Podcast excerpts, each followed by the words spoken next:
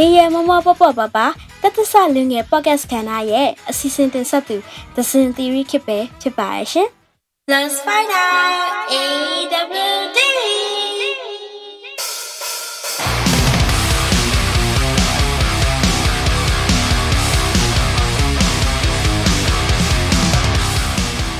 ဟုတ်ပါတယ်အားလုံးကြားခဲ့တဲ့အတိုင်းပါပဲ Let's find out AWD လို့ညီမရဲ့အစီအစဉ်လေးကိုနာမည်ပေးထားပါတယ် AWD ဆိုတာကတော့အတူကောက်လေးပါသူ့ရဲ့အတိတ်ပဲလေးကတော့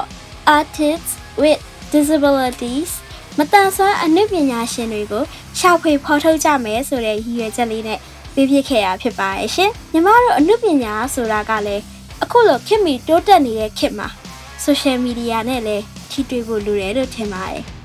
အဲ့ဒါကြောင့် မတန်ဆွမ်းအနုပညာရှင်တွေကိုညီမရဲ့အစီအစဉ်လေးမှာဖိတ်ခေါ်ပြီးတော့ပရိသတ်တွေနဲ့မိတ်ဆက်ပေးသားချင်ပါတယ်ပရိသတ်တွေနဲ့ရင်းနှီးတဲ့သူတွေလည်းဖြစ်နိုင်သလို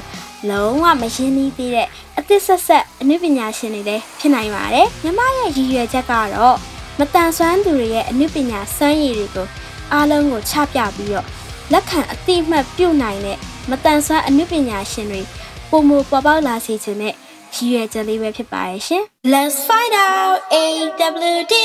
go go go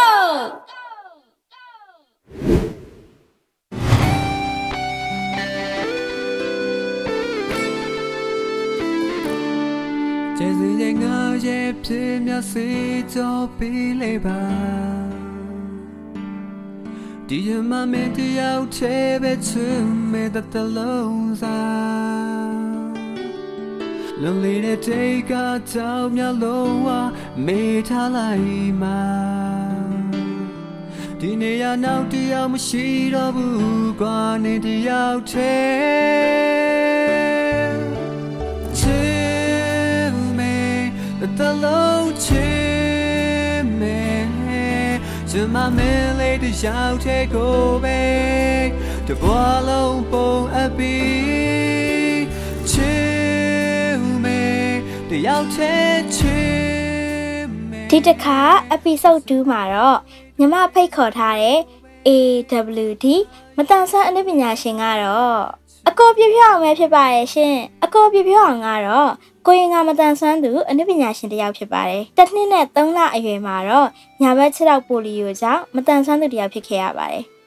brace လို့ခေါ်တဲ့အပြုကရိယာအထူးပဏ္ဏနဲ့လှုပ်ရှားသွားလာပါတယ် ဓာတုဗေဒအထူးပြုနဲ့ဘွဲရရှိခဲ့ပြီးသူတစ်ယောက်လည်းဖြစ်ပါတယ်အနုပညာကိုအလွန်ပဲနှစ်သက်ခုံမြင်သူတစ်ယောက်ပေါ့ကိုပြည့်ရဆိုရင်အနုပညာနဲ့ပတ်သက်တဲ့နယ်ပယ်ခန္ဓာမျိုးစုံမှာလက်ရှိမှာလည်းလုပ်နေတဲ့သူတစ်ယောက်ဖြစ်ပါတယ်အနုပညာတွေထဲမှာမှဂီတကိုပိုပြီးစိတ်ဝင်စားတဲ့ကိုပြည့်က The Finger ဆိုတဲ့ဘန်လေးမှာဂီတလှုပ်ရှားမှုတွေအများကြီးကိုလုပ်ကိုင်နေပါတယ်ကိုပြည့်တို့ဘန်ကိုလာရောက်ဖိတ်ခေါ်တဲ့ပွဲတွေမှာလည်းဖျော်ဖြေတင်ဆက်နေကြပါတယ်ကိုပြည့်က 2014ခုနှစ်အာဆီယံမတန်ဆွမ်းသူများအနုပညာပွဲတော်အထိတ်အမှတ်အတွက်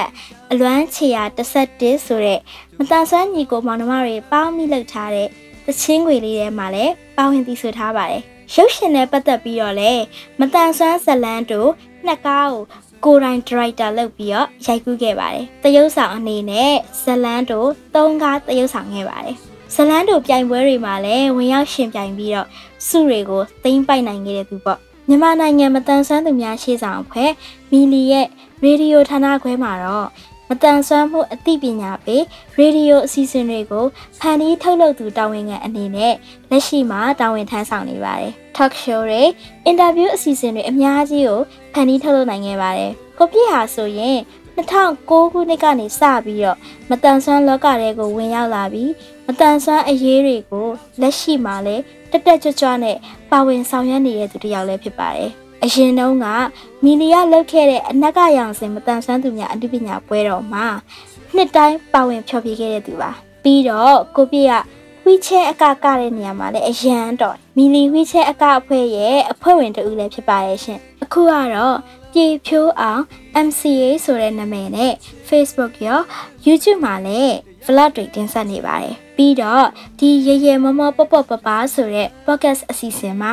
အစီအစဉ်တင်ဆက်သူရောနီးပြအနေနဲ့အလုပ်သင်တွေကိုပညာရေးလက်ဆင့်ကမ်းပေးနေပါတယ်ကိုပြည့်ကအနုပညာနဲ့ပတ်သက်ရင်နယ်ပယ်စုံမှာအရန်တော်တဲ့သူတစ်ယောက်ဖြစ်ပါတယ်မတန်ဆန်းလောကမှာတော့ညီမတကယ်ကိုလေးစားရတဲ့စီနီယာအကိုတစ်ယောက်ပါပဲဒီနေ့မှာတော့အကိုပြည့်ဖြိုးအောင်ကိုညီမရဲ့အစီအစဉ်လေးကိုဖိတ်ခေါ်ပြီးတော့ ညီမရဲ့အကိုဘလောက်တော်ကြောင်ပြည့်သက်ကြီးကိုမိတ်ဆက်ပေးသွားမှာဖြစ်ပါတယ်ရှင်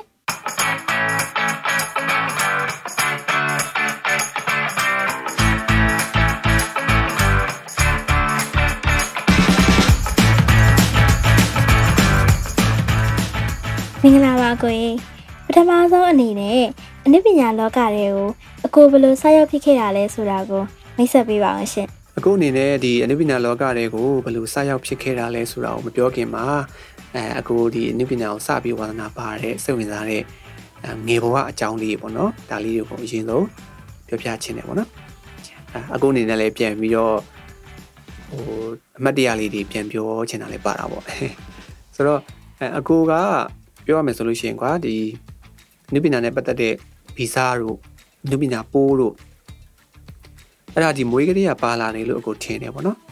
အခုပါရမီတော့မဟုတ်ပါပါရမီလို့တော့မပြောချင်ပါတော့အခုကအနုပညာမှာအရန်အဲ့လိုမျိုးပါရမီပါတဲ့ထဲတော့မပါဘူးလို့တော့ထင်တယ်ဒါပေမဲ့အဲ့လိုဗီဇာတို့ပိုးလို့တော့ပါခဲ့တယ်ပေါ့နော်ဆိုတော့အဲ့ဒါကလည်းအခုတို့ဒီအခုတို့ရဲ့အမျိုးပေါ့နော်အမျိုးတွေထဲမှာဆိုလို့ရှိရင်အခုဒီဦးလေးဦးလေးတွေထဲမှာဆိုလို့ရှိရင်လေအဲအဲ့လိုမက်ဒလင်တီကောင်းတယ်မက်ဒလင်တီပြီးတချင်းဆိုတာအရန်ကောင်းတဲ့ဦးလေးတွေရှိတယ်ဆိုတော့ ဟိုပြီးတော့အကိုဝမ်ခွဲတယောက်ဆိုလို့ရှိရင်လည်းအဲ့လိုဂီတာ TV သချင်းဆိုတာတွေပါကောင်းတယ်ပေါ့နော်ပြီးတော့ဒီအဖိုးအဖိုးဘက်ကအဲ့လိုမျိုးအဖိုးရဲ့အဖေတို့ပါတော့ပေါ့နော်သူတေချာတော့မမှတ်မိတော့ဘူးအဲ့လိုမျိုးအဘေးတို့ပါတော့အကိုတို့နဲ့ဆိုအဘေးတို့ပါတော့တော်မယ်ထင်တယ်အဲအဲ့လိုမျိုးတွေထဲမှာဆိုလို့ရှိရင်လည်းအဲ့လိုအာဒီနေ့ခေတ်စကားနဲ့ပြောမယ်ဆိုရင် underground ပေါ့နော်လူပညာလောကရဲ့ underground မှာအဲ့လိုမျိုးလုပ်ခဲ့ဂိုင်းခဲ့တဲ့အဲ့လိုမျိုးအဆိုအဆိုရှင်တွေပေါ့နော်အဆိုရှင်တွေရှိခဲ့တယ်ပြီးတော့အဲ့လိုမျိုး ဇက်ဇက်ဖက်ပေါ့အဲ့လိုဇမင်းသားဖက်မှာလည်းအဲ့လိုရှိခဲ့ဘူးလေလို့ကြားဘူးလေဒီချာတော့မမှတ်မိတော့ဘူးနော်အဲဒါမဲ့အဲ့လိုမျိုးနာမည်ကြီးတွေကနာမည်ကျော်တွေကမဟုတ်ဘူး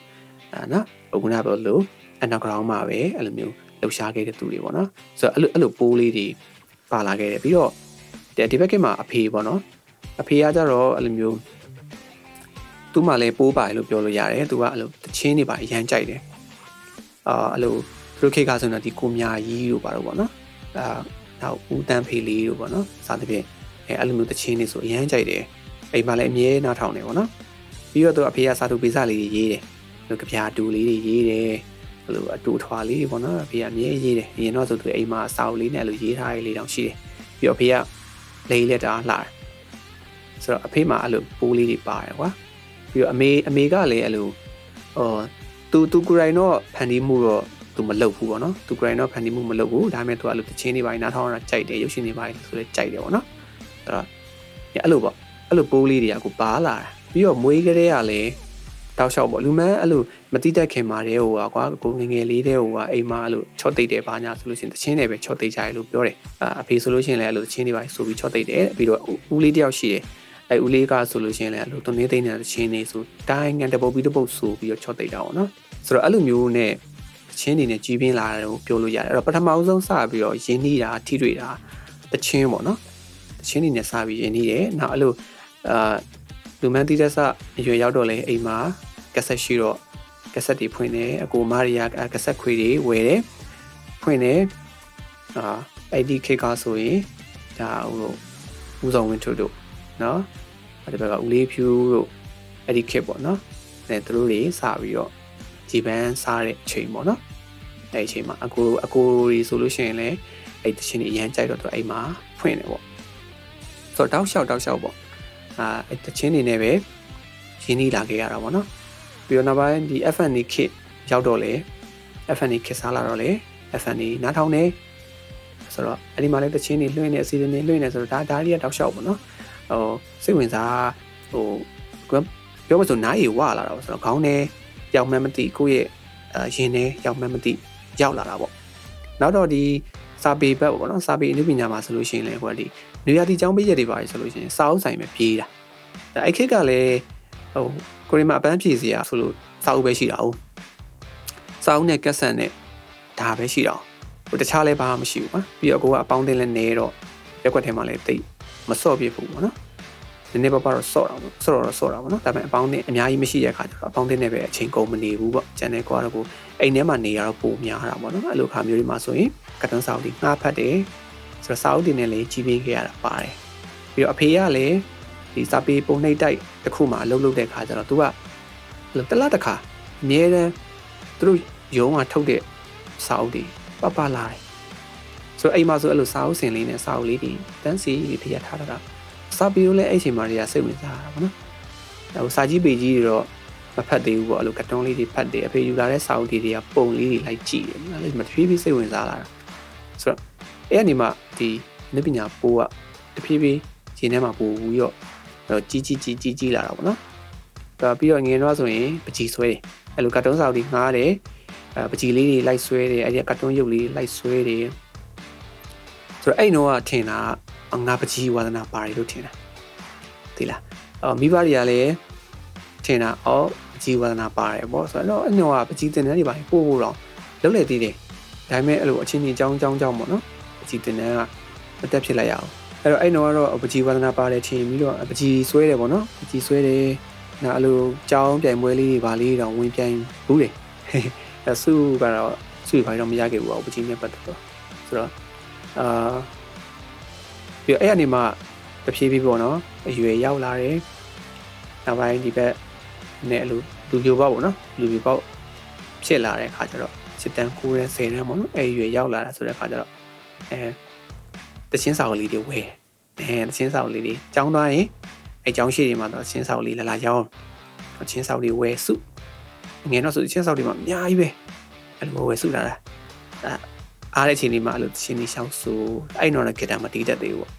ဂီတာမတီးတတ်သေးတော့အဲ့လိုချင်းလေးတွေရိုက်ဆိုအဲစောက်တွေဝဲချင်းစောက်တွေဝဲစုထားတိန်းထားဆိုဆိုအဲ့အဲ့ချင်းစောက်တွေဆိုရင်ကွာအကိုလွန်ခဲ့တဲ့2020လောက်ကအထိရှိတယ်အိမ်မှာအများကြီးပဲတိန်းထားတာအဲ့ဟိုးငငယ်လေးတွေကအဲ့လို9တန်း10တန်းအရွယ်လောက်ခေတ်ဝယ်ထားတဲ့တချင်းစောက်တွေဆိုတော့အဲ့2020လောက်ထိအခုရှိသေးတယ်နောက်ပိုင်းတော့မှအဲ့လိုဖုန်နေတက်တိန်းထားတာကြာတော့လေဖုန်နေတက်အနက်တက်ဒီမကောင်းပြီးချိုးဟာလည်းပိုးတွေပါကြီးကြိုက်တော့ နောက်တော့အာမူထူးတော့ကငါဒါတွေတိုင်ဝမ်စင်ဖြတ်လိုက်တော့မယ်ဆိုပြီးတော့ပြီးတော့ဒီဘက်ခေတ်မှာကြာတော့လေကိုတို့ကဒီတချင်းနေဟုတ်လားကိုလိုချင်တဲ့တချင်းစာသားပဲဖြစ်ဖြစ်ကော်ရီကီးတွေပဲဖြစ်ဖြစ်ရှာကျင်တာပဲဖြစ်ဖြစ်ကအလွယ်တကူဖြစ်သွားပြီကွာဆိုတော့ဒီချင်းစာအုပ်ဒီကိုကိုဆက်မသိမ်းချင်တော့အဲ့နဲ့ပဲသူတိုင်ဝမ်စင်ဖြတ်လိုက်တော့မယ်ဆိုပြီးတော့မှအဲ့ဒါလုံခဲ့တဲ့တစ်နှစ်ကျော်လောက်ကမှအဲ့ဒါတချင်းစာအုပ်တွေအကုန်လုံးဝဲပလိုက်တော့နော်ဆိုတော့အဲ့လိုမျိုးပေါ့ဖြည်းဖြည်းနဲ့အဲ့မှာ ဘိုးကအဲ့လိုကြီးကြီးကြီးကြီးကြီးကြီးလာပြီးတော့မှနောက်ဆုံးဒီအပေါ်မှာဟိုဒါကိုမကြားရမနေနိုင်မလုံးဝမနေနိုင်ဖြစ်လာတော့တချင်းနားမထောင်တာကြားရင်တချင်းအရင်နားထောင်ခြင်းတချင်းနားမထောင်မနေနိုင်တချင်းမဆိုးရမနေနိုင်အဲ့လိုလိုဖြစ်လာတာပေါ့နော်အဲ့ကနေမှအခုထဲထဲဝင်ဝင်ပေါ့ထဲထဲဝင်ဝင်စလုတ်ဖြစ်တဲ့အကြောင်းကိုပြောအောင်အဲ့ရှိမှတော့ဘာမှမလုပ်ဖြစ်ဘူးပေါ့တချင်းနားထောင်နေကိုကကိုအိမ်မှာအပျော်ရန်ဆိုတယ်ဒီလောက်ပဲပေါ့နော် ဒါပေမဲ့ထဲထဲဝင်ဝင်လုတ်ဖြစ်ဖို့ကကြတော့အခုဒီအဲ2009ခုနှစ်ပေါ့နော်2008နောက်ပိုင်းပေါ့ကိုကဒီ2008နာဂစ်ဖြစ်ပြီးတဲ့နောက်ပိုင်းမှာမှဒီမတန်ဆွမ်းအသင်အဖွဲ့တွေနဲ့ချိတ်မိလာမတန်ဆွမ်းအဖွဲ့တွေလည်းရောက်လာပြီးတော့မှကိုကိုယ်တိုင်ပါဝင်လှုပ်ရှားဖြစ်လာတယ်အဲ့ဒီမှာမှဂီတနဲ့ပတ်သက်ပြီးတော့ပေါ့နော်ထဲထဲဝင်ဝင်လှုပ်ဖြစ်လာတယ်အဲ့မှာလည်းဂီတာစပြီးတော့သင်ဖြစ်တယ်ပေါ့နော်ဂီတာစအခြေခံလေးစသင်ဖြစ်တယ်အဲအဲ့ဒီမှာမှဒီတန်ဆွမ်းပွဲလေးဒီမှာကိုဝင်ဝင်ပြီးတော့ဘယ်လို တပုတ်စာနှစ်ပုတ်စာဆိုရင်းနဲ့မှနည်းနည်းလေးပို့ပြီးတော့ဒီဂီတအလုပ်ကိုပို့လှုပ်ဖြစ်လာတာပေါ့နော်အဲ့ဒီမှာတဖြည်းဖြည်းနောက်ဆုံးဒီမြန်မာနိုင်ငံမတန်ဆွမ်းသူများရှေ့ဆောင်အဖွဲ့နဲ့အခုချိန်မိတယ်အဲဆက်သွယ်ရတယ်အဲ့ဒီမှာဒီအဖွဲ့ရလုပ်တဲ့ဒီမြန်မာနိုင်ငံမတန်ဆွမ်းသူများလူပညာပွဲတော်ပေါ့နော်ဆိုတော့2013တော့ဆလုပ်ခဲ့တာဆိုရင်တော့ဒီနဂါရောင်စင်ပေါ့နော်အဲ့ဒီပွဲမှာစပြီးတော့ကိုပါဝင်ဖြစ်တယ်ပေါ့ဒါကတော့ဟိုပြောမယ်ဆိုရင်တော့ကြီးကြီးမားမားအ ကိုစလှမ်းတဲ့ခြေလမ်းလို့ပြောလို့ရမှာပေါ့နော်အဲ့မတိုင်ခင်တော့ကတော့အလိုကြိုးကြားကြိုးကြားအသင်းဖွဲ့တွေကလှုပ်တဲ့ပွဲလေးပွဲလေးတွေမှာတပုတ်စနှစ်ပုတ်စဒါမှမဟုတ်လဲ group လိုက်ပေါ့နော်အဲ့လိုမျိုးဆိုတဲ့အခြေအနေမျိုးလေးတွေနဲ့ပဲကိုလှုပ်ရှားခဲ့တာမျိုးပေါ့နော်ဆိုတော့ဒါကလည်းကိုဝါသနာပါတဲ့ခါကျတော့ဒါကိုလုပ်မယ်ပေါ့နော်အခွင့်အလမ်းရရင်ရတယ်လို့လုပ်မယ်ဆိုတဲ့စိတ်နဲ့လုပ်ခဲ့တာပေါ့နော်ဆိုတော့အဒီဒီအနာကရောင်တင်ပွဲမှာမှအကိုကခြေလန်းစကြီးကြီးလှမ်းတယ်လို့ပြောလို့ရတယ်အဲအဲ့ဒီမှာစပြီးတော့ ပွဲတော့လုပ်ဖို့အတွက်လူရွေးပွဲစလုပ်တယ်အဲ့တော့ကတော့အနုပညာစုံတယ်ကွာဂီတလည်းပါတယ်စာပေလည်းပါတယ်အများကြီးပဲအကတွေလည်းပါတယ်ဒါအဲ့ဒီမှာအနုပညာတစ်ခုချင်းတစ်ခုချင်းစီမှာဒါလူရွေးပွဲအရင်လောက်တာပေါ့အဲရွေးခံရတဲ့လူတွေကမှဒီပွဲတော်ကြီးမှာဖျော်ဖြေခွင့်ရမယ်ပေါ့အဲအဲ့လိုမျိုးလောက်တော့အကိုကလည်းအမှဝင်ရွေးခံတယ်ဝင်ပြိုင်နေပေါ့ကွာဒီဟိုဆရာဆောက်ခုစေးရေးပြီးတော့ကို LS ဆိုထားတဲ့မမချီလုံးဖြစ်ဆိုတဲ့သချင်းလေးနဲ့ကိုစပြီးတော့မဝင်ပြိုင်တယ် ဝင်ပြိုင်တော့ဟိုအဲ့ဒီပွဲကိုလာတော့ကိုယ့်ထက်အရင်ဆိုတဲ့သူတွေရှိတာဟုတ်အမျက်မြင်ညီကိုတွေရှိရယ်ကိုရင်ကညီကိုတွေရှိရယ်ညီကိုမောင်နှမတွေပေါ့နော်စီကြတာသူတို့ကြည့်အရန်ကောင်းကြတယ်ကွာတဲ့မှာအရန်ကောင်းတာဟာကိုကအဲ့ချိန်မှာဘာမှအဲ့လိုမျိုးစနစ်တကျလေ့ကျင့်ထားတာလည်းမရှိဘူးပြင်ဆင်ထားတာလည်းဘာမှမရှိဘူးဒီတိုင်းမှာဝါသနာအရဝင်ပြန်လိုက်တာပဲရှိတယ်အဲ့တော့ဟိုပြောမယ်ဆိုရင်တော့ အားငယ်ဟောဟာသိရမလားအားအားလုံးကကောင်းနေပါကိုပဲဘာမှဟိုမဖြစ်အော်ငါရွေးခံမှလည်းမဟုတ်ပါဘူးလေဆိုဒါမဲ့လည်းငါပြန်လိုက်ပါမယ်လို့အကောင်းဆုံးတော့ပြန်လိုက်မယ်လို့ရွေးခံတယ်မခံတယ်တပိုင်းမို့လို့ဆိုပြီးတော့အဲ့လိုမျိုးစိတ်ထားပြီးတော့မှဝင်ပြန်လိုက်အောင်ဝင်ပြန်လိုက်တော့မမရရအဲ့ကိုပြိုင်တဲ့နေ့မှာအာဒိုင်လူကြီးအနေနဲ့ကမရတနာဦးရဲ့ပြီးတော့ဟိုဂီတာတီးတဲ့ Uber Trip ပေါ့နော် guitarist ပေါ့ Uber Trip နောက်ကျန်တဲ့ဒိုင်တွေတော့အခုတေချာမမှတ်မိတော့ဘူး ဆိုတော့အဲ့နှစ်ယောက်ကတော့ကောင်းကောင်းမှတ်မိလိုက်တယ်ပေါ့နော်ဆိုတော့အတူတူကထိုင်လုပ်ပေးကြတာပေါ့အဲ့ဒီအကူပြိုင်တဲ့ပွဲစဉ်မှာပေါ့ဆိုတော့အဲ့မှာဝင်ပြိုင်နေဝင်ပြိုင်ပြီးတော့နောက်တစ်ရက်နှစ်ရက်သုံးရက်လောက်နေတဲ့အထိအကြောင်းမကြားသေးဘူးဘာသတင်းမှမကြားတော့ဘူးဆိုတော့အော်ငါအရွေးမခံတော့နဲ့တူပါတယ်လို့ဆိုပြီးတော့မှဒီတိုင်းလေးပဲစိတ်လျှော့ပြီးနေလိုက်တာပေါ့ဒါပေမဲ့နောက်တစ်ရက်ကျတော့မှအဲ့ပွဲစီစဉ်နဲ့ဟိုအဖွဲ့တွေကပေါ့နော်အမတယောက်ကနေပြီးတော့မှလာပြောတယ်အဲကိုပြေးတယ်ကိုပြေးရွေးခံရတယ်တဲ့အ ပွဲတော့မှဖျော်ဖြေခွင့်ရမယ်ဆိုအာအမလုံးဝဝမ်းသာသွား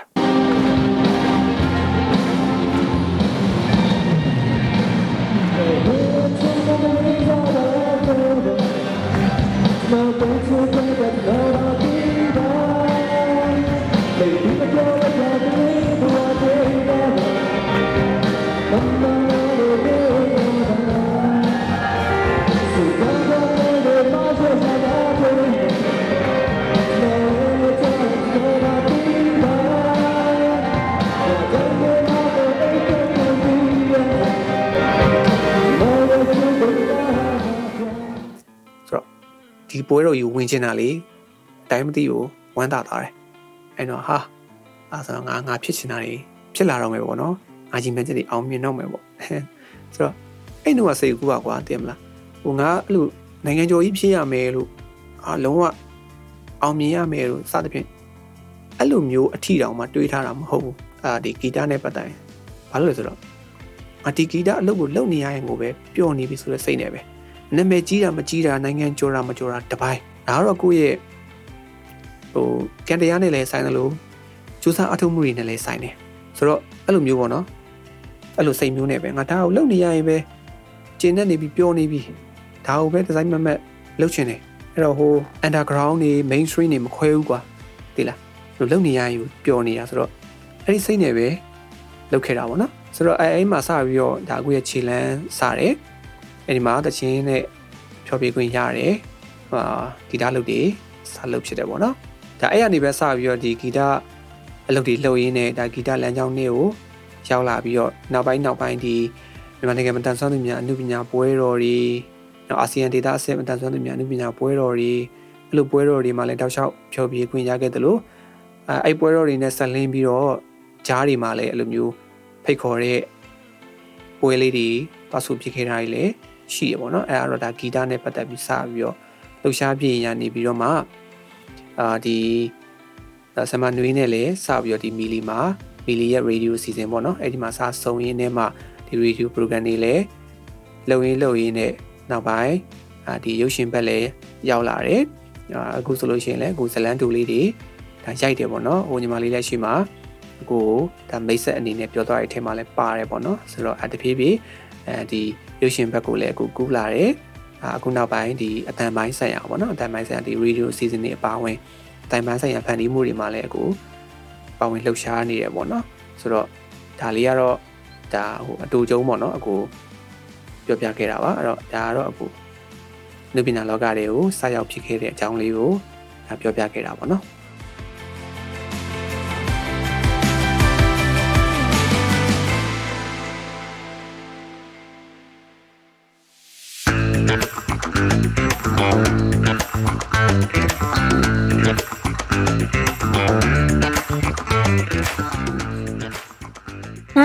လို့ကောင်းလိုက်တာအကိုရေတကယ်တော့လေညီမတို့အနုပညာကိုလုပ်နေတဲ့သူတွေကလေအဲ့ဒီချစ်တဲ့စိတ်တစ်ခုလေးနဲ့ဒီလောကတွေကိုဝင်လာခဲ့ကြတယ်ပြီးတော့လေငါကဘာကြီးဖြစ်ရမယ်ဆိုတဲ့လောဘစိတ်လေးဒါမရှိဘူးဆိုရင်ညီမတို့တစ်ချိန်ချိန်မှာတော့ပေါ့နော်အများကနေပြီးတော့ဒီလူကတော့အနုပညာကိုတကယ်စစ်မှန်တဲ့ချစ်ချင်းနဲ့ချစ်တဲ့သူဒီအနုပညာနဲ့ထိုက်တန်တဲ့သူဆိုပြီးတော့လက်ခံလာကြမှာလေနော် အဲ့ဒါကြောင့်မလို့အခုအကိုပြောသွားတဲ့အကိုရဲ့အနုပညာလက်ကလည်းဝင်ရောက်ဖြစ်ခဲ့တဲ့ပုံကိုနားထောင်လိုက်ရတာတကယ်ကိုအကိုကိုခုံယူရပေါ့နော်ချစ်တဲ့စိတ်တစ်ခုလေးနဲ့ငါဘာကြီးဖြစ်ရမယ်ဆိုတဲ့စိတ်ကြီးလည်းမရှိဘူးငါဒီဟာလေးကိုလိမ့်နေရကျင်းတတ်ပါတယ်ပျော်ပါတယ်ဆိုတဲ့စိတ်ကလေးနဲ့ဝင်ရောက်လာခဲ့တာတကယ်ကိုခုံယူပါတယ်ကိုကြီးအဲ့ဆိုရင်နောက်ထပ်မေးခွန်းနေတယ်သိကျင်သွားပြီပေါ့နော်အဲ့တော့နောက်ထပ်မေးခွန်းကလောကကြီးထဲမှာအကိုရွေးချယ်စရာတွေအများကြီးထဲမှာ ဘာကြောင့်ဒီအနုပညာကိုရွေးချယ်ခဲ့ရလဲအဲ့လိုရွေးချယ်ခဲ့တော့လေအခက်အခဲတွေရှိမှာပဲဒီနော်ညီမတို့မတန်ဆွမ်းသူပဲဖြစ်တန်ဆွမ်းသူပဲဖြစ်ဖြစ်ကိုချစ်တဲ့အရာကိုရွေးချယ်လိုက်ပြီဆိုရင်အတားဆီးအခက်အခဲတွေကတော့အနှင်းငယ်စီရောပေါ်လာတတ်တယ်လေအဲ့တော့ဒီဟာလေးကိုလည်းနည်းနည်းပြပြပေးပါအောင်ရှင်อืมညီမလေးမေးသလိုပဲဟုတ်တယ်လောကကြီးထဲမှာတော့အခုတို့ရွေးချယ်စရာတွေအများကြီးရှိတယ်ဆိုတော့အဲ့ဒီထဲမှာဘာကြောင့်အနုပညာကိုကိုက ရွေးဖြစ်ခဲ့ရတာလဲဆိုရင်တော့ပြောရမယ်ဆိုရင်ဒါရိုးရှင်းပဲပြောရမယ်ဆိုရင်တော့အနုပညာကိုချစ်လို့ပေါ့ပြီးတော့ဒီအနုပညာအလုပ်ကိုမလုပ်ရမနေနိုင်လို့ဒါရိုးရှင်းချင်းပဲအရိုးရှင်းဆုံးပြောရတာပေါ့နော်အနုပညာအလုပ်ကိုပဲလုပ်ရတာပျော်လို့ကိုရွေးပေးခဲ့တာပေါ့ဆိုတော့ဒါကတော့ဟိုအရိုးရှင်းဆုံးပြောတာပေါ့နော်အဲ့တော့အဲအကျေပြောရမယ်ဆိုလို့ရှိရင်တော့ကွာအကိုအနေနဲ့အနုပညာနဲ့ အဲအနုပညာမဟုတ်တဲ့အလုပ်တွေလည်းလုပ်ခဲ့ဘူးတယ်ပေါ့နော်အဲ့တော့ရှင်းကြည့်တာပေါ့အနုပညာအလုပ်ကိုလုပ်တဲ့အချိန်နဲ့အနုပညာမဟုတ်တဲ့အလုပ်ကိုလုပ်တဲ့အချိန်မှာရှင်းကြည့်တော့အနုပညာအလုပ်ကိုလုပ်တဲ့အချိန်မှာပျော်ရတယ်စိတ်လည်းချမ်းသာရတယ်ဆိုတော့ဘလောက်ပဲပင်ပန်းပင်ပန်းกว่าပင်ပန်းလုံးတော့ခဏပဲပေါ့ဒါပေမဲ့ပင်ပန်းပြီးသွားတဲ့နောက်ပိုင်းမှာရလာတဲ့ရလက်ကိုအရန်ကျင်းတဲ့ပီတိဖြစ်တယ်ပေါ့နော် ဆိုတော့အဲအဲ့ဒါကိုအရန်သဘောကျတာပေါ့နော်အရန်သဘောကျတယ်အဲ့တော့နိဗ္ဗာန်လောက်ကိုလောက်ရတဲ့အချိန်မှာဟိုပင်ပန်းနေလို့လည်းမမြင်ဘူးပေါ့ဥပမာထားပါတော့အခုလို့ဆိုရင်အာထားပါတော့နော်ရုပ်ရှင်တကားရိုက်တယ်ပေါ့နော်ဇလန်တို့လေးတကားရိုက်ရတဲ့အချိန်မှာဆိုရင်ဘုရားမှာပြင်ဆင်ရတယ်အများကြီးပဲပြင်ဆင်ရတဲ့အပိုင်းရိုက်ကူးရေးအပိုင်း edit အပိုင်းပေါ့နော်ဒီလိုမျိုးရုပ်ရှင်ဇလန်တို့လေးတကားနော်၄၅မိနစ်စာလောက်ဇလန်တိုလေးတခါထွက်လာဖို့အတွက်ဆိုရင်တော့ကိုကြီးအများကြီးချင်းမှာပြင်ဆင်ရတယ်ဟိုခေါင်းနေပူရတယ်ကွာတိလည်းမလားလို့ ပြင်ဆင်ရအရင်များတော့လေအဲပြောမစံပင်မရတယ်ကွာပြီးရိုက်ကူးရေးရိုက်ကူးရေးမှာဆိုလို့ရှိရင်လည်းအဲ့လိုပဲเนาะဆိုဆက်ဖွေရေးနဲ့เนาะဒီဘက်ကတေးဥဆောင်နေနဲ့အများကြီးပဲအဲ့လိုမျိုးပူပေါင်းပြီးလောက်ရတာဆိုတော့အခါကျတော့တစ်ရက်နှစ်ရက်သုံးရက်အဲ့လိုမျိုးရိုက်ရတာဆိုတော့ပင်မနေကွာလူရောစိတ်ပေါ်ပင်မရတယ်ဒီကြားထဲမှာမှအဲ့လိုအတွဲလောက်ရတဲ့သူတွေပါအဲ့လိုမျိုးဟိုအဆင်မပြေတဲ့လူတွေပေါ့နော်အဲ့လိုကလန်းတိုက်တဲ့လူမျိုးတွေဟိုအဆင်မပြေတဲ့လူတွေမျိုးတွေပါလာရင်အာ အခုအလုပ်လုပ်ကြတာစိတ်ပီစီမှုလည်းများရတယ်ပေါ့နော်ဆိုတဲ့အခါကျတော့ဒါမျိုးလေးအဲ့လိုပင်ပန်းမှုလေးရှိတယ်ဒါပေမဲ့အဲ့ဒါတွေကအခုတို့ဟိုဘယ်လိုပြောမလဲကြော်လွားနိုင်တယ်ကွာသိလားမလားဒီအနုပညာကိုမလုပ်ရလို့ပင်ပန်းတာထက်အဲ့လိုအနုပညာအလုပ်ကိုလုပ်နေနေပင်ပန်းရတာခံနိုင်ရှိတယ်သိလားဆိုတော့အဲ့လိုမျိုးဟိုဘလောက်ပဲပင်ပန်းပင်ပန်းဒီဇလန်တူလေးတကားထွက်သွားပြီးအချောပြီးသွားပြီဆိုလို့ရှိရင်လေအဲ့ဒါလုံးဝဟိုကျင်းတဲ့ပီတီဖြစ်နေတာပဲကွာတဲ့မလားဆိုတော့ အဲ့လိုရှင်းကြည့်လိုက်တော့လေအဲ့လိုမျိုးအနုပညာအလုပ်ကိုလုပ်ရတဲ့အချိန်မှာပို့ပြီးတော့တတောင်တတာဖြစ်တယ်လို့ခံစားရတယ်ပို့ပြီးတော့လည်းပျော်တယ်စိတ်ပီစီမှုရှိတော့ရှိရပါတော့စိတ်ပီစီမှုတော့ရှိတာပေါ့အာဒါပေမဲ့အဲ့လိုမျိုးအကောင်းဆုံးကြော်လာနိုင်တယ်ကွာတည်ရမလားအဲ့လိုမျိုးဆိုတော့ရှင်းကြည့်လိုက်တဲ့အခါမှာအနုပညာအလုပ်ကိုလုပ်ရတာပို့ပြီးတော့အဆင်ပြေနေတဲ့အတွက်ကြောင့်မလို့အာဒီအနုပညာလုပ်တွေကိုရွေးချယ်ပြီးလုပ်ဖြစ်ခဲ့တာတွေလည်းများတယ်ပြီးတော့ကိုယ့်ရဲ့ talent ပေါ့နော်အာ ခုနဟိုအရှိမပြောခဲ့တယ်လို့ကိုကဒီဗီဇနဲ့ပိုးတွေကပါလာတဲ့ခါကျတော့ဒီကိုရဲ့တဲလန်းကလည်းအဲ့ဘက်မှာပိုးများနေတယ်သိလားအဲ့တော့ကိုရဲ့တဲလန်းနဲ့ကြိုက်တဲ့အလုပ်တွေကိုပဲကိုကရှာလုပ်ရင်ရှာလုပ်ရင်နဲ့အဲ့အလုပ်တွေအကုန်လုံးကလည်းအနည်းပညာအလုပ်တွေဖြစ်နေရောဆိုတော့ဟိုအခုအနေနဲ့တမင်တကာရွေးခဲ့တာလို့ပြောရင်လည်းမှန်တယ်နော်အနုပညာကအကိုကိုရွေးသွားတယ်လို့ပြောရင်လည်းမှန်တယ်အဲဆိုနှစ်ဖက်စလုံးက မှန်တယ်ကွာဆိုတော့အဲ့လိုမျိုးချို့အလုပ်တွေဆိုရင်ဒီအနုပညာအလုပ်ကိုပဲအကိုတီးသက်ရွေးလို့ဖြစ်ခဲ့တာဒါကြောင့်မှန်တယ်လို့ပြောတာပေါ့နော်ပြီးချို့အလုပ်တွေကြတော့လေကိုယ့်ရဲ့ငကိုရှိပြီးသားတဲလန်ကအဲ့လိုအနုပညာဘက်မှာအားသာနေတဲ့ခါကျတော့အဲ့ဒီအနုပညာအလုပ်တွေရပဲအခုလာပြန်ယူသွားတာမျိုးပေါ့နော်ဆိုတော့နှစ်ခုစလုံးကတော့မှန်တယ်ပေါ့နော်အဲ့ဒါကြောင့်ကိုဒီအနုပညာအလုပ်ကိုပဲရွေးချယ်ပြီးတော့လုပ်ဖြစ်ခဲ့တာများတယ်ပေါ့နော် အဲ့တော့အခက်အခဲတွေအနေနဲ့ပြောရမယ်ဆိုလို့ရှိရင်တော့အခက်အခဲကတော့အများကြီးတော့ရှိတာပေါ့နော်အများကြီးရှိတယ်အခုတို့ဒီအာတချင်းစဆူဖို့ဟိုလောက်ခဲ့တုန်းကအချိန်ဆိုရင်ဟိုလူရောစိတ်ရောပင်ပန်းခံရတာပေါ့အဲဆိုအဲ့တုန်းက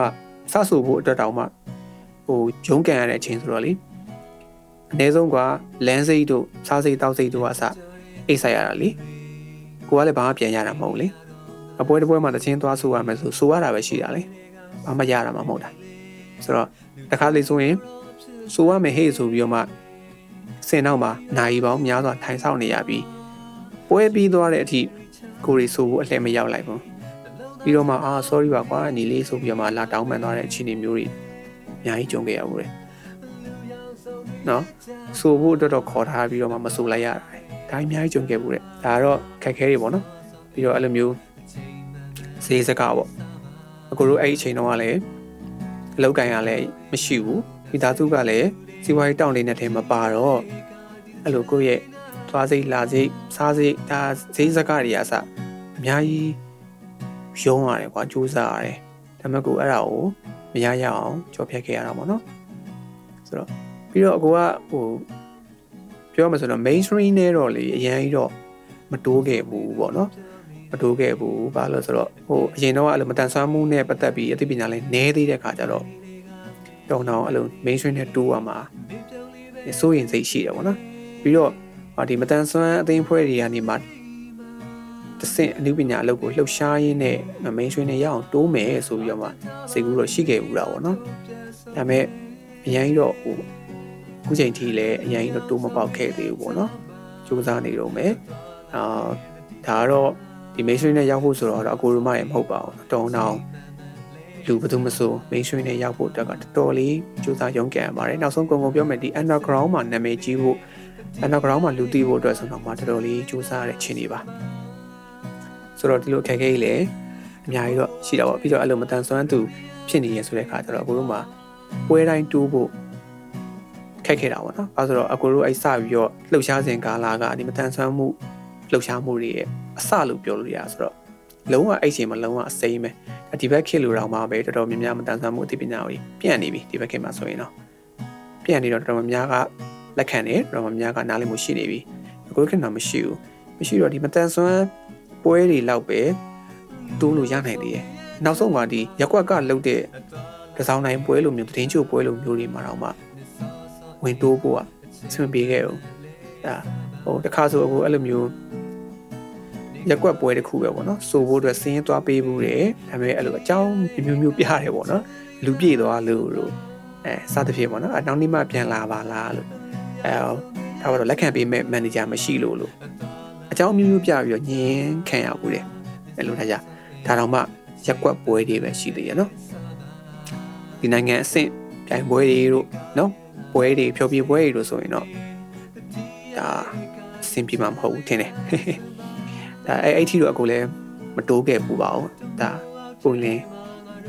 ပြောတာပေါ့နော်အဲ့စခဲ့တော့ကအချိန်တော့အဲ့လိုရက်ွက်ပွဲလေးမှာတော့မှအဲ့လိုမျိုးတွေရှိခဲ့ဘူးတယ်ပေါ့နော်ဆိုတော့အခက်အခဲတွေကတော့ပြောရမယ်ဆိုတော့အများကြီးပေါ့နော်စီးပွားရေးတွေလည်းပါတယ်ငွေကြေးပိုင်းတွေလည်းပါတယ်လူမှုရေးပိုင်းတွေလည်းပါတယ်ဆိုတော့အများကြီးတွေခြားရရနေမှာဟိုရုန်းကန်ခဲ့ပြီးတော့စူးစမ်းခဲ့ရတာပေါ့နော်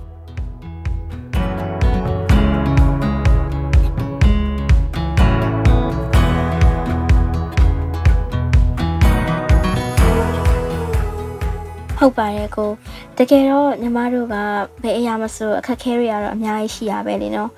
ဒါပေမဲ့ဒီတဲရမှာညီမတို့ကမတန်ဆွမ်းသူတွေဖြစ်တယ်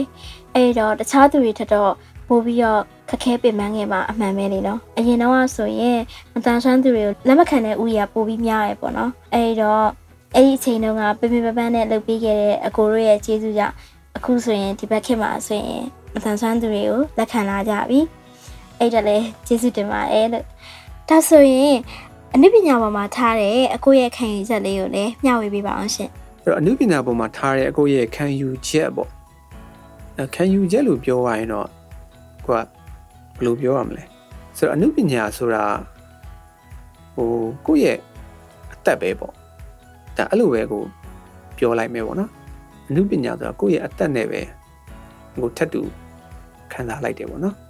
အဲ့တော့ ကိုယ့်ရဲ့ဘဝမှာအရေးကြီးဆုံးကကိုယ့်အသက်ပဲလीနော်သူတယောက်ရဲ့ဘဝမှာဒါအကိုအတွက်ဆိုလည်းအရေးကြီးဆုံးကကိုယ့်ကိုယ့်အသက်ပဲဟုတ်အဲ့ဒါမလားကိုယ့်အသက်စောစီစီနဲ့မသေးခြင်းဘူးဟုတ်တယ်မလားကိုယ့်အသက်မသေးအောင်ကြိုးစား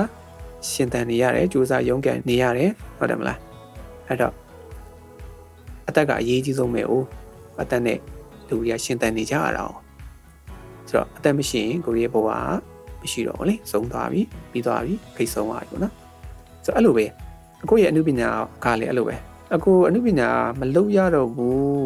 ။အမှုပညာကိုစွန့်လို့ရမယ်ဆိုရင်သိကြတယ်အကိုအသက်သေးတယ်လို့ပဲခံစားရလိမ့်မယ်။ဒါပေမဲ့တခါမှတော့အဲ့လိုမျိုးတော့မစွန့်လို့ခဲ့ဘူးပေါ့နော်။အခုချိန်ထိလည်းမိဘအတိုင်းဝိုင်းကအစတငယ်ချင်းအပေါင်းအသင်းချစ်သူရေးသားပါတော့ဒါတွေက ဟိုကိုယ့်ရဲ့လူပညာနဲ့ပတ်သက်ပြီးအရင်ကြီးအဲ့လိုကန့်ကွက်မဲ့သူတွေမရှိဘူးပေါ့ဆိုတော့အခုချိန်ထိတော့လောက်ခွင့်ရနေတော့မယ်လုံနေတော့မယ်ဆိုတော့ဟိုအဲ့ဒီအနုပညာကိုမလုပ်ရတော့ဘူးဆိုတဲ့ခံစားချက်မျိုးတော့ဟိုမခံစားခဲ့ဘူးသေးဘူးပေါ့နော်ဒါပေမဲ့တခါတလေမှာတော့အဲ့လိုစင်စိတ်ကူးကြည့်တယ်အနုပညာကိုမလုပ်ရတော့ဘူးဆိုရင်ဘယ်လိုနေမလဲပေါ့စဉ်းစားကြည့်ဘူးလေနေတတ်မှာမဟုတ်ဘူးဘာလို့ဆိုတော့ဟိုတခါတလေအာ အလုပ်များလို့ကွာအဲ့လိုအိမ်မှာဂီတာမတီးပြဘူးဒါနော်အနုပညာနဲ့ဖန်တီးမှုတစ်ခုခုဘာမှမလုပ်ဖြစ်ဘူးဆိုတော့အဲအဲ့ကောင်ရက်ရက်နည်းနည်းကြာလာတာ ਨੇ ဘယ်လိုမှမနေနိုင်တော့ဥပမာထားပါတော့အခုခီးတစ်ခုသွားတယ်ခီးမှာအဲ၄၅ရက်လောက်ကြာတယ်ပေါ့နော်ခီးသွားတော့အလုပ်ကိစ္စနဲ့သွားတော့လည်းဂီတာတွေပါယူမသွားဖြစ်ဘူးပေါ့ဒါဆိုရင်အဲ့လိုရံမျိုးတွေဆိုဂီတာမတီးရအောင်နိဆိုတော့အာတအားတီးကျင်ပြီကွာအမှ3 4ရက်လောက်2ရက်3ရက်လောက်ခီးမှာဆိုရင်အာတီးကျင်နေပြီ တီးကျင်နေပြီနောက်ဆုံးအဲ့ဒါခီးကပြီးလို့အိမ်ပြန်ရောက်ပြီဆိုတော့ ਨੇ အိမ်ရောက်ပြီဆိုတော့ ਨੇ အချက်ချင်းဂီတာကောက်ကင်တော့တာပဲအဲအဲ့လိုမျိုးလေပြီးရင်အဲ့အချိန်မှာဂီတာဘယ်လိုဖြစ်မလဲဟိုကိုနဲ့အဲ့လိုနှစ်အကြာကြီးဝေးပြီးတော့မှပြန်တွေးရတဲ့ဒီသားစုဝင်တယောက်လိုချစ်သူတယောက်လိုတငယ်ချင်းတယောက်လိုအဲ့လိုမျိုးခံစားရတဲ့အဲ့ဂီတာကိုမြင်တဲ့အချိန်မှာအဲ့လိုမျိုးပေါ့နော်ဆိုတော့အနုပညာကိုမလုပ်ရလို့ရှိရင်ဘယ်လိုမှမနေနိုင်မထိုင်နိုင်ဘူးပေါ့နော်အဲ့တော့ခုနကပြောလို့ပဲအနုပညာကိုမလုပ်ရတော့ဘူးဆိုတဲ့အချိန်မှာကြာရင် ကိုအသက်သေဆုံးသွားတယ်လို့မျိုးဟိုခံစားနိုင်တယ်ပေါ့နော်ခံစားရလိမ့်မယ်ကိုကတော့အဲ့လိုမျိုးခံယူတယ်ပေါ့နော်အဲ့တော့ကိုရဲ့အသက်နဲ့ထပ်တူပဲအနုပညာကိုကိုကတော့ခံယူပါတယ်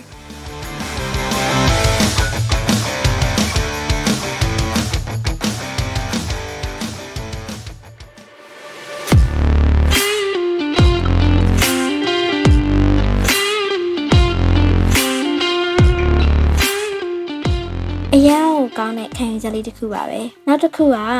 မတန်ဆွမ်းသူတစ်ယောက်ဖြစ်တဲ့အကိုရဲ့အနုပညာဖန်တီးမှုတွေကိုကဲ့ရဲ့ရှုံချမှု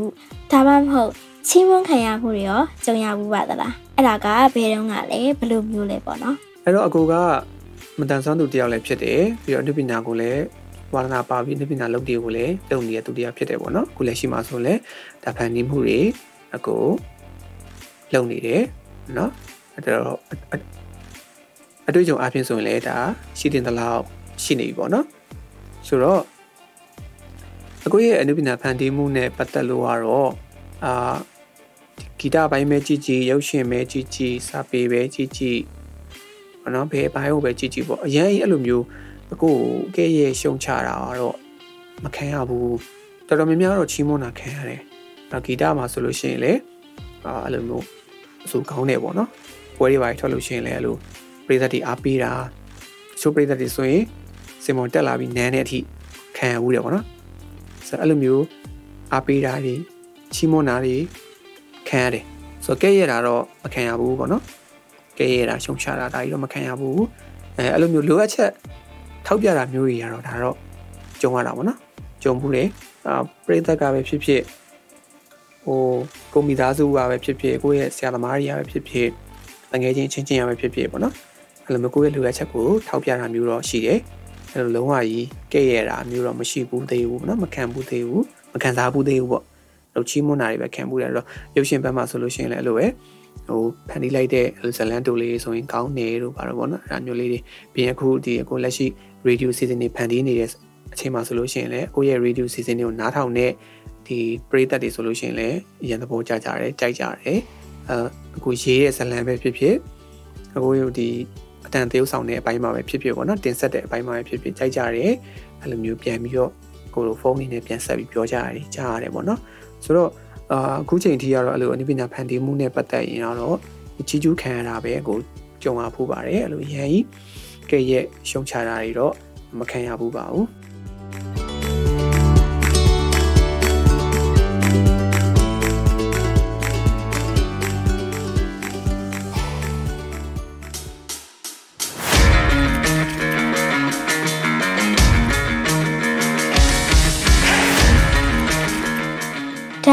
တကယ်တော့နားလည်လက်ခံပြီးတယ်ဒီပြိသက်ကြီးပြောင်းလို့လည်းထင်တယ်ပေါ့နော်ညီမတို့မတန်ဆွမ်းအနုပညာရှင်တွေကိုယ့်ရဲ့အနုပညာကို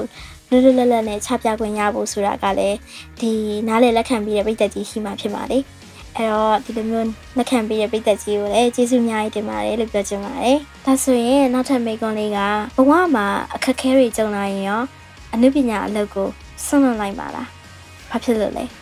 အာဒီမေကုံကတော့ဟိုအရန်ကောင်းတဲ့ မေကုံပဲအရန်ကောင်းတဲ့မေကုံပဲပြီးတော့အကိုကိုလည်းဒါအဲစိတ်ထိုးလိုက်တာပေါ့နော်ဘာလို့လဲဆိုတော့ဒီမေကုံကိုအကိုဖြေလိုက်ရင်အကိုကဒါချုပ်ပြီးသားဖြစ်သွားတာပေါ့နော်အကိုအကိုချုပ်ပြီးသားဖြစ်သွားတော့ပရိသတ်ကလည်းဒါအကိုစောင့်ကြည့်တော့မအောင်နော်အဲအဲ့တော့ဒီမှာလေးမေးခဲ့တဲ့အတိုင်းပဲဘဝမှာအခက်အခဲတွေတကယ်ဖြစ်လာရင်ပညာကိုစွန့်လွတ်လိုက်မှလားဒီမေကုံကိုအကိုအကိုဖြေရမယ်ဆိုလို့ရှိရင်ဒါကိုတော်တော်လေးတတိထားပြီးတော့ဖြေရမှထင်တယ်။ဘာလို့လဲဆိုတော့အခု တခုခုဖြေလိုက်လို့ဒီချိန်ချိန်မှာအဲ့တိုင်းဖြစ်မလာဘူးဆိုလို့ရှိရင်ကိုယ်ကိုစောင့်ကြည့်နေတဲ့လူတွေကကိုယ်ထောက်တော့မှာပေါ့နော်။ဆိုတော့လူဘဝဆိုတာကတော့ပြောရတော့ခက်ပါတယ်။အဲ့တော့ဟိုအကိုအနေနဲ့ဒီဘဝတွေဘာတွေညာတွေခဏမေ့ထားမယ်ကွာ။နော်ဘဝတသနာတွေဘာတွေအဲ့ဒီခဏမေ့ထားမယ်။မေ့ထားပြီးတော့ဒီမေးခွန်းကိုအယိုးရှင်းဆုံးနဲ့အကိုရဲ့စိတ်ရင်းအတိုင်းပဲဖြေမယ်အဲ့ဒါဆိုလို့ရှိရင်တော့ အခက်အခဲတွေကြုံလာရင်ဘလောက်ပဲကြုံကြုံအနုပညာကိုစွန့်လွတ်လိုက်မှလားဆိုရင်တော့မစွန့်လို့ဘူးပဲဘာလို့လဲဆိုတော့အခုအနုပညာကိုစပြီးတော့လုပ်ခဲ့တဲ့အချိန်မှာတော့ကတော့အခုမှဘာဝင်ငွေမှမရှိမိသားစုစီကမုတ်ဖိုးလက်ဖြန့်တောင်းရတဲ့အခြေအနေမျိုးကနေစလုပ်ခဲ့တာခုနအရှိမပြောခဲ့သလိုလမ်းစိတ်တွေစားစိတ်တောက်စိတ်တွေကစမိဘစီကလက်ဖြန့်တောင်းပြီးတော့အကိုဘဝကိုယုံခဲ့ရတာပေါ့နော်အဲ့တော့အချိန်မှာမိဘကလည်းကိုလိုတလောက် လိုတဲ့အချိန်မှာလိုတလောက်ရော့အင်းပက်ပက်ပက်နဲ့ထုတ်ပေးနိုင်တဲ့အခြေအနေမျိုးမဟုတ်ဘူးသူတို့လည်းသူတို့ဟာသူတို့ရုန်းကန်ရတဲ့အခြေအနေတွေအိမ်တော်မှအိမ်ငါးဘဝနဲ့နေရတဲ့အခြေအနေပြီးတော့အိမ်တော်ဆိုဝင်ငွေရလည်းမရှိအကိုကလည်းအလုံးမရှိဘူးဆိုတော့အဲ့လိုအခြေအနေမျိုးကတော့ကိုရအောင်ကြိုးစားခဲ့တယ်အနုပညာလောက်ကိုလုပ်ခဲ့တယ်ပေါ့နော်အဲ့တော့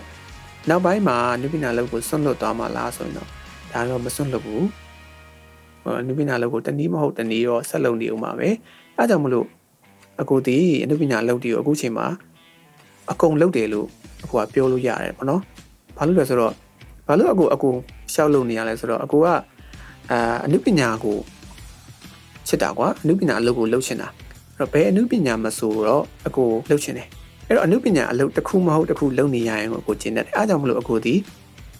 တစ်ခုတည်းကိုအခုမတော်တာဘူးအမဂီတဆိုဂီတတစ်ခုတည်းပဲကိုမတော်အောင်ဂီတအခုဆိုရင်ကိုဂီတလည်းလုပ်တယ် ရုပ်ရှင်လည်းလုပ်တယ်စာပေလည်းလုပ်တယ်နောက်အခုလိုမျိုးတန်ပိုင်းဆိုင်ရာဖန်တီးမှုတွေလည်းလုပ်တယ်ဆိုတော့ပြီးရင်အခုဒါ join ချိုးလို့ဝူချက်အကတွေပိုင်းထောင်ကိုဝင်ကလိုက်သေးတယ်ဆိုတော့ထားတော့ဒါတွေကတော့ minor ဝူချက်အကလို့ဘာလို့ဆိုတော့ဒါအခု minor လို့ပြောလို့ရတယ်အဲ့တော့ဒါအခုရဲ့ major စိတ်ဝင်စားမှုကတော့ဂီတအောင်နော်ဂီတပေါ့ဒါပေမဲ့ဂီတကတော့အခုချိန်မှာကိုအရင်ကြီးတော့ဟိုကျွမ်းကျင်မှုအပိုင်းအရာကြည့်လေအားနေပါတယ်နော်ဟို ဂီတကိုတော့အရင်ကြီး professional တွားဖို့တော့အခုချိန်ဒီမှာတော့အခုချိန်မှာတော့အရင်ကြီးတော့စိတ်မကူတော့ဘူးပေါ့နော်ဒါပေမဲ့အဲ့လိုမျိုးပေါ့ဟိုဝါသနာအရာကိုမလုံး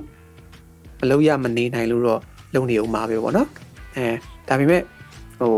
ဒါပလာလို့ပေါ့နော်ဒီအနုပညာအလုပ်တွေအကိုအကုန်လုံနေရသည်တခုမဟုတ်တခုအကိုလုံနေရဖို့အတွက်အကိုရည်ရွယ်တယ်ပေါ့နော်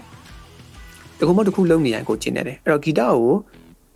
မလုံဖြစ်တော့ရင်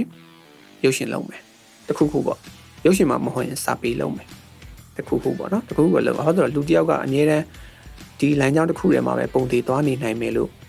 အာမခံလို့မရဘူးဘာလို့လဲဆိုတော့ပိုဆိုးတာအကိုတို့ကအောင်မြင်တဲ့နိုင်ငံကျော်တွေမဟုတ်ဘူးเนาะအဲ့တော့အကူကဒီဒီတလန်းချောင်းတွေကိုအကူရွေးထားလို့မရအောင်ဒါ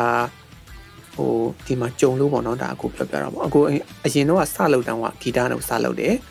အဲ့ဂီတကိုတစ်သက်လုံးပဲအကူဒါကိုလှုပ်လာခဲ့မယ်ဘာညာဆိုလို့ရှိရင်တော့ရကောင်းရနိုင်တယ်ဒါပေမဲ့တစ်ဖက်မှာကြောက်လာအကူရဲ့ဘဝရက်တည်မှုတွေဘာညာရှိသေးတယ်လေအဲ့တော့ပြီးတော့ကိုကဒီအနုပညာနဲ့လည်းအလုပ်လုပ်ချင်တယ်အနုပညာနဲ့ပဲဘဝရက်တည်ချင်တယ်ဆိုတဲ့အခါကျတော့အော်ဝင်ငွေရမယ့်အနုပညာအလုပ်တွေကိုလည်းကိုကလုပ်ဖို့လိုသေးတာ哦သိလားအဲ့တော့ကိုကဒီဂီတဆိုတာအကိုမြင်လိုက်တယ်ဂီတအလုပ်ဒီချက်ချင်းဝင်ငွေရဖို့ မလွယ်သလိုဂီတနဲ့တောက်လျှောက်ရက်တည်သွားဖို့လည်းမလွယ်ဘူးဒါကနော်တာမန်ဒီအကိုတို့အခုလက်ရှိမှာနာမည်ကျော်နေပါတယ်ဆိုတဲ့နိုင်ငံကျော်နေပါတယ်ဆိုတဲ့ဂီတပညာရှင်တွေဂီတအနုပညာရှင်တွေတောင်မှပဲတစ်ချိန်လုံးကသူတို့ဘယ်လောက်ထိခက်ခက်ခဲခဲနော်အငတ်ခံအနစ်နာခံဆွန့်လွတ်ပြီးတော့မှစူးစမ်းခဲ့ရတယ်သူတို့အတီဆုံးပဲလေနော်ဒါတော့မှသူတို့အဲ့လိုမျိုးအဲ့လောက်ထိစူးစမ်းလွန်းလို့သူတို့အောင်မြင်ခဲ့ရတာအခုလိုမျိုးဒီအချိန်မှာအောင်မြင်နေတာ တုံတောင်လောက်ကတော့အချိန်တန်ပျောက်သွားကြတဲ့လူတွေများတယ်လीနော်ဂီတလောကမှာဆိုပဲပြီးတော့အဲ့လောက်ထိဝင်တိုးဖို့ဆိုတာလည်းမလွယ်ဘူးဂီတနဲ့အတန်မွေးဝမ်းကြောင်းအဖြစ်ရက်တည်ဖို့အတွက်ဆိုရင်တော့မလွယ်ဘူးအခုလိုယောဂတွေကိုဗစ်တွေထဖြစ်တယ်နော်ဂီတသမားတွေပြောမဆိုအနုပညာသမားတွေတော်တော်များများငုတ်တုံမိသွားကြတယ်ဒါဒါဒါဟိုဥမာပြောပြတာပေါ့နော်ဆိုတော့အကိုတို့လိုမျိုးမတန်ဆွမ်းသူတယောက်လည်းဖြစ်တယ် ဂီတကိုလည်းခုမှစပြီးမြေစမ်းခရမ်းပြိုးနော်စလုပ်ရတဲ့သူတွေလည်းဖြစ်တယ်ဆိုတဲ့အခါမှာကိုတို့ကဒီတစ်ခုတည်းပုံမှာနေရက်တည်သွားဖို့မလွဲတော့ဘူးဒါအကိုရဲ့ခံယူချက်ပေါ့နော်အဲ့တော့အကိုဒီတခြားသောအနုပညာဘိုက်တွေကိုလည်းအကုန်လက်လှမ်းမိသမျှအကုန်လိုက်ချိတ်ပြီးတော့အကိုတင်ယူတယ်လေ့လာတယ်စူးစမ်းတယ်လုပ်တယ်အဲ့တော့တခုမဟုတ်တခုနဲ့အကိုဘဝရက်တည်နိုင်မယ်တခုမဟုတ်တခုကနေအကိုဝင်ငွေရမယ်အဲ့ဒီအတွက်အကို ဝါသနာပါတဲ့အလုပ်တွေကိုပြန်လုပ်နိုင်မယ်ဥပမာထားပါတော့ကွာအကိုဂီတနဲ့ပတ်သက်ပြီးတော့အကိုဝင်ငွေမရဘူးဆိုရင်ဒါပါတော့အကိုဒီပဲရုပ်ရှင်မှာဝင်ငွေရမလားဒီအတန်ပိုင်းဆိုင်ရာတွေမှာဝင်ငွေရမလားအဲ့ဘက်ကရတဲ့ဝင်ငွေတွေနဲ့အကိုကဂီတဘက်မှာအကိုပြန်အသုံးချလို့ရတယ်ပြန်အလုပ်လုပ်လို့ရတယ်အကိုကအဲ့လိုမျိုးရည်ရွယ်တယ်ဆိုတော့အဲ့ဒါကြောင့်မလို့အကိုဒီအလုပ်တွေကီဒီပညာနဲ့ပတ်သက်တဲ့အလုပ်တွေအကုန်လုံးလိုက်လုပ်တယ်တခုမဟုတ်တခုကိုအကိုချိတ်ဆက်ပြီးလုပ်တယ်နော်အဲ့ဒါမှ အဲ့တော့ကြောင့်မလို့ကိုဒီတခုတည်းနဲ့လမ်းကြောင်းကိုဘယ်တော့မှသွားဘူးအဲကြောင့်မလို့အနုပညာကိုစွန့်လွတ်လိုက်မလားဆိုရင်တော့အနုပညာကိုလို့ခြုံပြီးပြောလိုက်ရင်တော့အခုဒီမစွန့်လွတ်ဘူးနောက်မစွန့်လွတ်ဘယ်တော့မှမစွန့်လွတ်တခုမဟုတ်တခုတော့လုံနေအောင်ပါပဲဒါပေမဲ့ဂီတကိုမလုပ်ဖြစ်တော့တဲ့အချိန်ရှိကောင်းရှိမယ်ရုပ်ရှင်ကိုမလုပ်ဖြစ်တော့တဲ့အချိန်ရှိကောင်းရှိမယ်စာပေကိုမလုပ်ဖြစ်တော့တဲ့အချိန်ရှိကောင်းရှိမယ်ဒါဒီအတန်ပိုင်းဆိုင်ရာတွေကိုမလုပ်ဖြစ်တော့တဲ့အချိန်ရှိကောင်းရှိမယ်စသဖြင့်ပေါ့နော်ဒါပေမဲ့ တခုမဟုတ်တခုတော့အခုလုံနေအောင်ပါပဲအနုပညာနဲ့ပတ်သက်ရင်နော်အဲ့တော့အနုပညာကိုမစွန့်လွတ်ဘူးလို့တော့အခုပြောချင်တယ်တခုမဟုတ်တခုကတော့ကိုကတော့လုံနေအောင်ပါပဲအဲ့တော့အနုပညာကိုဝါသနာပါကြတဲ့ညီကိုမောင်နှမတွေလည်းအခုဒါအကိုရဲ့အားပေးစကားနဲ့လည်းဒါတစ်ဆက်တည်းပဲကိုပြောလိုက်မယ်ပေါ့နော်ဆိုတော့ဒါကတော့အကိုရဲ့ခံယူချက်အနေနဲ့ပဲကိုအားပေးလိုက်တာပေါ့နော်အဲ့တော့တယောက်ချင်းစီမှာတော့ခံယူချက်ချင်းတူချင်းမှတူမယ်အဲ့တော့ကိုဒီအဲ့တော့ အနုပညာကိုဝါသနာပါတယ်ဆိုလို့ရှိရင်အဲ့မှာကို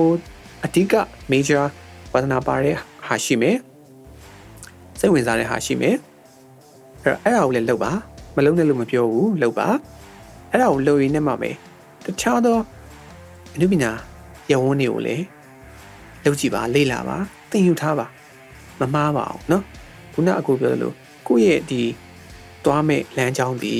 ဒီတစ်ခုတည်းနဲ့ကိုကရက်တီဖို့မလွယ်ဘူးဆိုရင်တခြားဟာတွေပါကိုကချိတ်ထားပါအဲ့တော့တခြား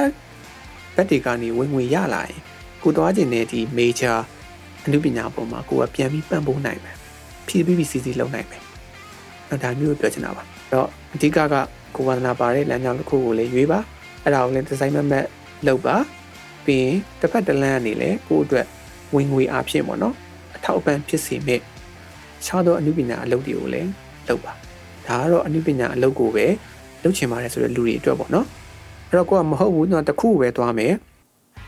ကျွန်တော်မှတခြားဝင်ငွေရတဲ့အလုပ်တစ်ခုရှိတယ်စနော်ဒါဆိုရင်တော့ okay အဲလူမျိုးတွေကတော့ကိုထွေထူးမပြောချင်ဘူးဘာလို့ဆိုတော့သူကတခြားဘက်ကနေဝင်ငွေရနေတာဟုတ်မှာကုမ္ပဏီဝန်ထမ်းဖြစ်ရင်လည်းဖြစ်မယ်ကွာဒီလားမစီးပွားရေးကိုပိုင်စီးပွားရေးလုပ်နေတဲ့လူဖြစ်ကောင်းဖြစ်မယ်ဆိုတော့အဲ့ရနေမှာတော့ဝင်ငွေရနေတာဟုတ်အဲ့ရဝင်ငွေရနေမှာတစ်စိတ်တစ်ပိုင်းအောင်သူဒီဘက်သူဝါဒနာပါတဲ့ ဂီတဆိုဂီတရုပ်ရှင်ဆိုရုပ်ရှင်အဲ့ဒီပုံမှာသူအများကြီးပြန်ပြီးအထောက်အပံ့သူပြန်ဖြစ်မှာပေါ့ဒါဆိုရင်တော့သူကဒီလမ်းကြောင်းတစ်ခုတည်းကိုသူသွားနိုင်တယ်အဲ့တော့အနုပညာကိုပဲအနုပညာအလုပ်နဲ့ပဲရက်တည်ခြင်းနဲ့ဝင်ငွေရှာခြင်းနဲ့ဆိုတဲ့လူတွေအတွက်ကတော့ခုနပြောခဲ့တဲ့ဒီလန်လေးကိုသုံးရှိပါဟိုဟာဘရောမှာလမ်းကြောင်းတစ်ခုထဲမှာရက်မနေပါနဲ့เนาะဆိုတော့အခုကိုတို့ဒီကိုဗစ်ရောဂါကာလတည်လုံးဝအကောင်းဆုံးတက်တည်ပါပဲ နော်ဘာလို့ဆိုလမ်းကြောင်းတစ်ခုတည်းပေါ်မှာနေရက်ထားတဲ့တွားနေတဲ့လူတွေခုလိုကိုဗစ်လည်းဖြစ်လာတော့အဲ့လမ်းကြောင်းကအလုံးမဖြစ်တော့ရင်တခြားလမ်းကြောင်းဝုန်းဆိုပြောင်းဖို့မလွယ်တော့ဘူးအဲ့တော့တခြားလမ်းကြောင်းမှာကိုဗစ်လိုကာလမျိုးမှာအဆင်ပြေမဲ့ဝင်ငွေရမဲ့လမ်းကြောင်းမျိုးကိုကိုရပြောင်းရတော့တမထားပါတော့ဟောတချင်းဆိုနေရယ်ကိုဗစ်ဖြစ်တော့လုံးဝတချင်းနေဆိုတာညနားလိုက်ရတယ်ပွဲတွေလုံးဝအထွက်ရတော့အဲ့အချိန်မှာကိုက ဘာပြန်စာရေးမလားဒါမှမဟုတ်အခုလိုမျိုး podcast တွေတင်ဆက်မလားเนาะ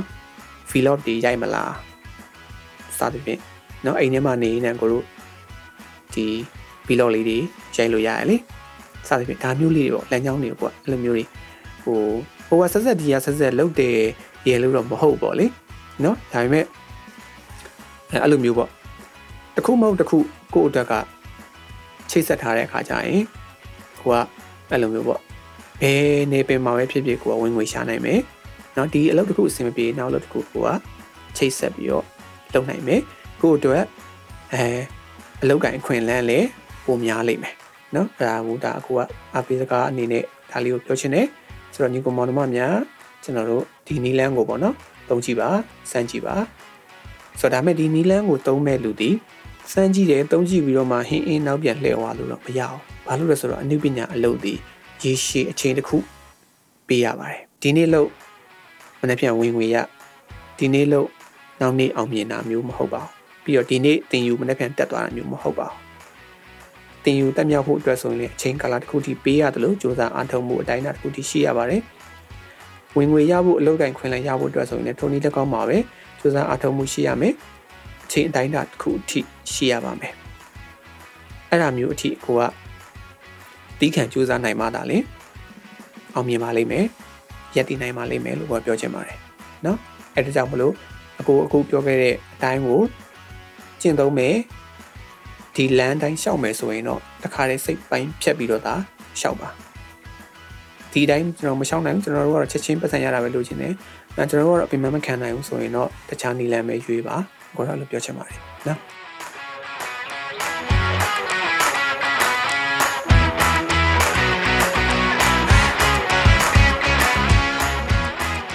ကျေးဇူးတင်ပါတယ်ကိုကြီးတကယ်ကိုအမှန်တရားတွေရောအားပေးစကားတွေရောနီးလန်းကောင်းလေးတွေပါပြပြပြီးသွားတာကျေးဇူးတင်ပါတယ်ဟုတ်ပါတယ်တကယ်တော့ညီမတို့အခြေခံလူလက်တန်းစားတွေရာဆိုရင်ကိုဝါသနာပါတဲ့အရာကိုလုပ်ဖို့ကဟိုအခက်ခဲစိန်ခေါ်မှုတွေအများကြီးရှိနိုင်တယ်ပေါ့နော်အတိကတော့ငွေကြေးပေါ့နော်ကိုတန်ဖိုးထားတဲ့ဒီအရာကိုလုပ်ဖို့ဆိုရင်ငွေကြေးရှိမှလည်းအဆင်ပြေမယ်အဲ့တော့ဒီငွေကြေးအတွက်လည်းကိုယ့်ရဲ့ဘဝရည်တည်ချက်ကို မဖြစ်မနေရွေးရမယ့်အရာတွေရှိခဲ့ရှိကြရပေါ့နော်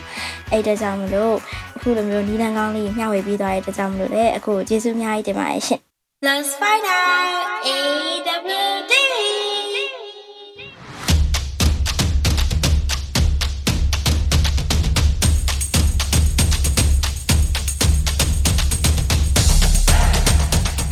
နားဆင်ပေးကြတဲ့ပရိသတ်များကိုကျေးဇူးအများကြီးတင်ပါတယ်ရှင်။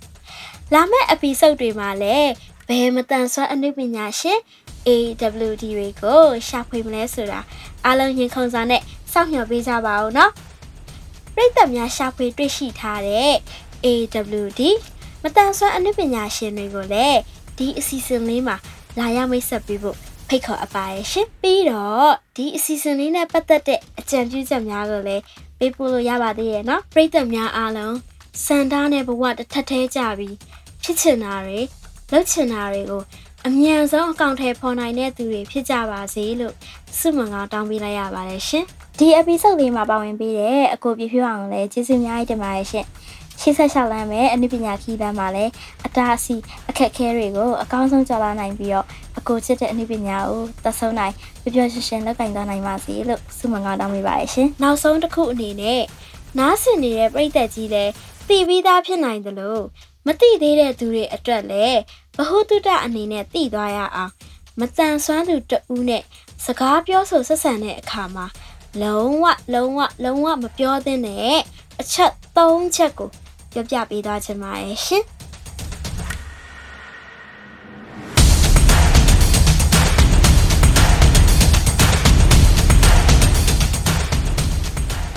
နံပါတ်1တနာလိုက်တာ နံပါတ်2ရှေးဘဝဝကြွေးတွေပဲဖះမြများရှိခိုးနော်နံပါတ်3ဒီလိုဒုက္ခိတတာမဖြစ်ခဲ့ရင်ဒီအချက်တွေကတော့ညီမကိုယ်တိုင်အတန်ဆွမ်းသူတစ်ယောက်အနေနဲ့ခံစားခဲ့ရတဲ့လုံးဝလုံးဝမကြိုက်တဲ့အချက်၃ချက်ပဲဖြစ်ပါရဲ့ရှင်အခုနားဆင်နေတဲ့ပြည်သက်ကြီးထဲမှာလည်းမတန်ဆွမ်းသူတစ်ယောက်ယောက်ပါဝင်ခဲ့မယ်ဆိုရင်မိမိတို့ကလည်းခံစားခဲ့ရတဲ့စကားလုံးအချို့ကို